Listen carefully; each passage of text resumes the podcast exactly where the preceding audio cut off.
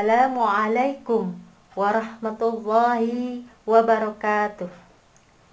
Alhamdulillahilladzi an'ama alaina bi anwa'in ni'am. Wassalatu wassalam ala asrafil anam wa ala alihi wa sahbihi wa barik wasallam amma ba'du.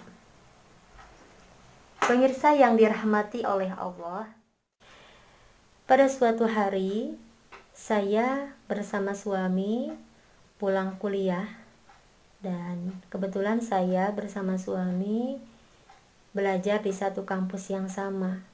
Pada saat itu saya membawa putri bungsu saya yang masih berusia 18 bulan.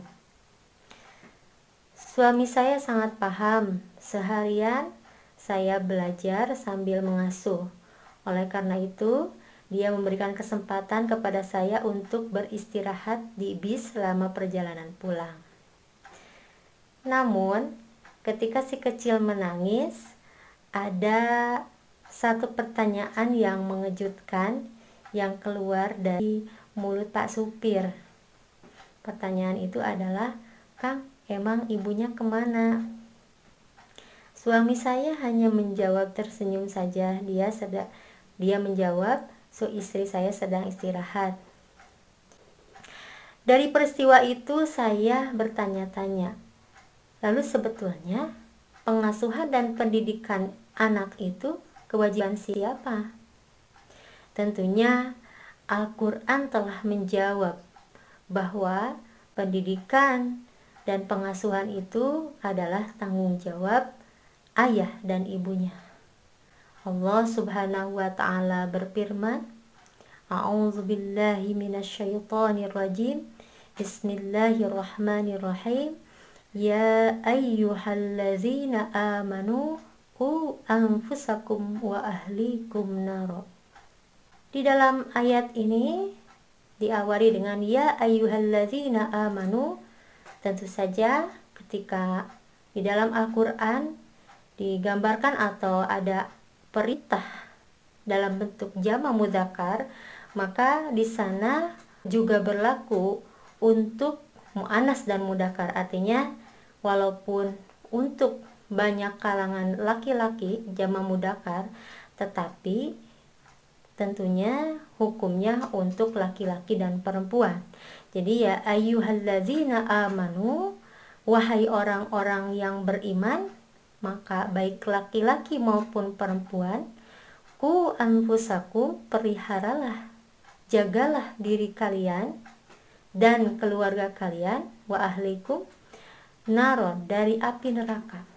Oleh karena itu kewajiban memelihara diri dan keluarga dari api neraka itu adalah kewajiban ayah dan ibu. Nah, Al-Quran juga telah menggambarkan bagaimana betapa pentingnya, betapa kuatnya peran ayah, sehingga para nabi bisa melahirkan generasi nabi pula. Di antaranya ada Nabi Ibrahim, dikisahkan bahwa Nabi Ibrahim memberikan wasiat kepada putra-putranya agar berpegang teguh kepada agama Allah. Bahkan Nabi Ibrahim telah mengajarkan bagaimana seorang ayah harus bersabar ketika Nabi Ibrahim diuji oleh Allah untuk menyembelih putranya Nabi Ismail.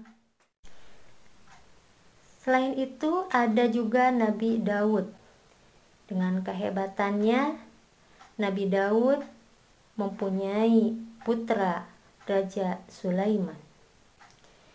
Kemudian kita tahu Nabi Yakub memiliki putra yang unik dengan karakter-karakter yang berbeda. Akan tetapi Nabi Yakub bisa bersabar sehingga dia bisa menemukan dan menyaksikan kesuksesan putranya yaitu Nabi Yusuf. Kemudian di dalam Al-Quran juga digambarkan kisah seorang ayah yang bernama Lukmanul Hakim yang begitu bersabar dia mendidik anaknya dengan ketauhidan, dengan wasiat bahwa anak-anaknya harus berbakti kepada orang tuanya. Kemudian anak-anaknya harus amar ma'ruf nahi munkar, harus beribadah dengan baik dan harus berakhlak mulia. Nah, pemirsa yang dirahmati oleh Allah, dari penjelasan tadi jelas bahwa kewajiban pengasuhan dan pendidikan terhadap anak adalah kewajiban ayah dan ibu, bukan kewajiban salah satunya saja. Anak itu adalah amanah. Amanah bagi siapa? Amanah bagi ayah dan ibu, bagi orang tua bukan hanya ayah atau bukan hanya ibu. Hati anak itu murni, bagaikan permata yang belum diukir sama sekali. Ia akan membentuk apa pun yang diukirkan oleh orang tuanya. Apabila orang tuanya mendidik dengan baik, maka anak tersebut akan menjadi baik.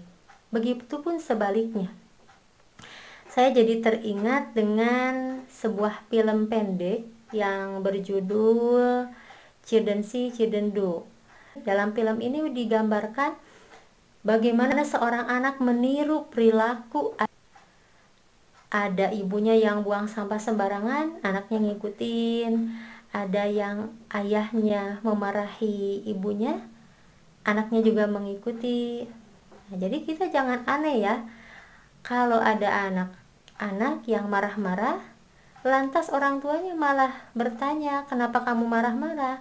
Mestinya balik bertanya kepada diri orang tuanya itu. Kapan saya marah kepada anak sehingga anak itu meniru marahnya kita? Karena ada pepatah Arab yang mengatakan bahwa kaifa yastaqimu dhillu wal 'ud au a'waj bagaimana bayangannya itu lurus apabila bendanya tidak lurus. Jadi ini analoginya kalau misalkan orang tuanya tidak memberikan teladan yang baik, bagaimana mungkin anak bisa berperilaku baik? Dan ini tentunya mulai saat ini kita tidak boleh merasa aneh dan kaget kalau ada seorang ayah yang mengasuh anaknya, bahkan kita harus merasa bangga ketika ada seorang ayah ingin mengasuh dan mendidik anak-anaknya. Karena dengan bersamalah kita akan menjadi kuat. Nabi Muhammad SAW bersabda, "Manahala walidun waladahu afdala min adabin hasanin Tiada suatu pemberian yang lebih utama dari orang tua untuk anak-anaknya selain dari pendidikan yang baik. Karena dengan bersama-samalah ayah dan ibu memperhatikan pengasuhan dan pendidikan anak-anak, maka anak-anak akan menjadi generasi yang sangat menghargai orang tuanya, akan mengangkat harkat derajat orang tuanya, bahkan akan berguna bagi nusa, bangsa, dan agama.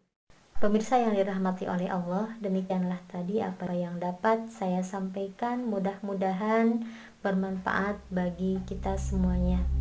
Allahu yarhamuna birrahmah Wassalamualaikum warahmatullahi wabarakatuh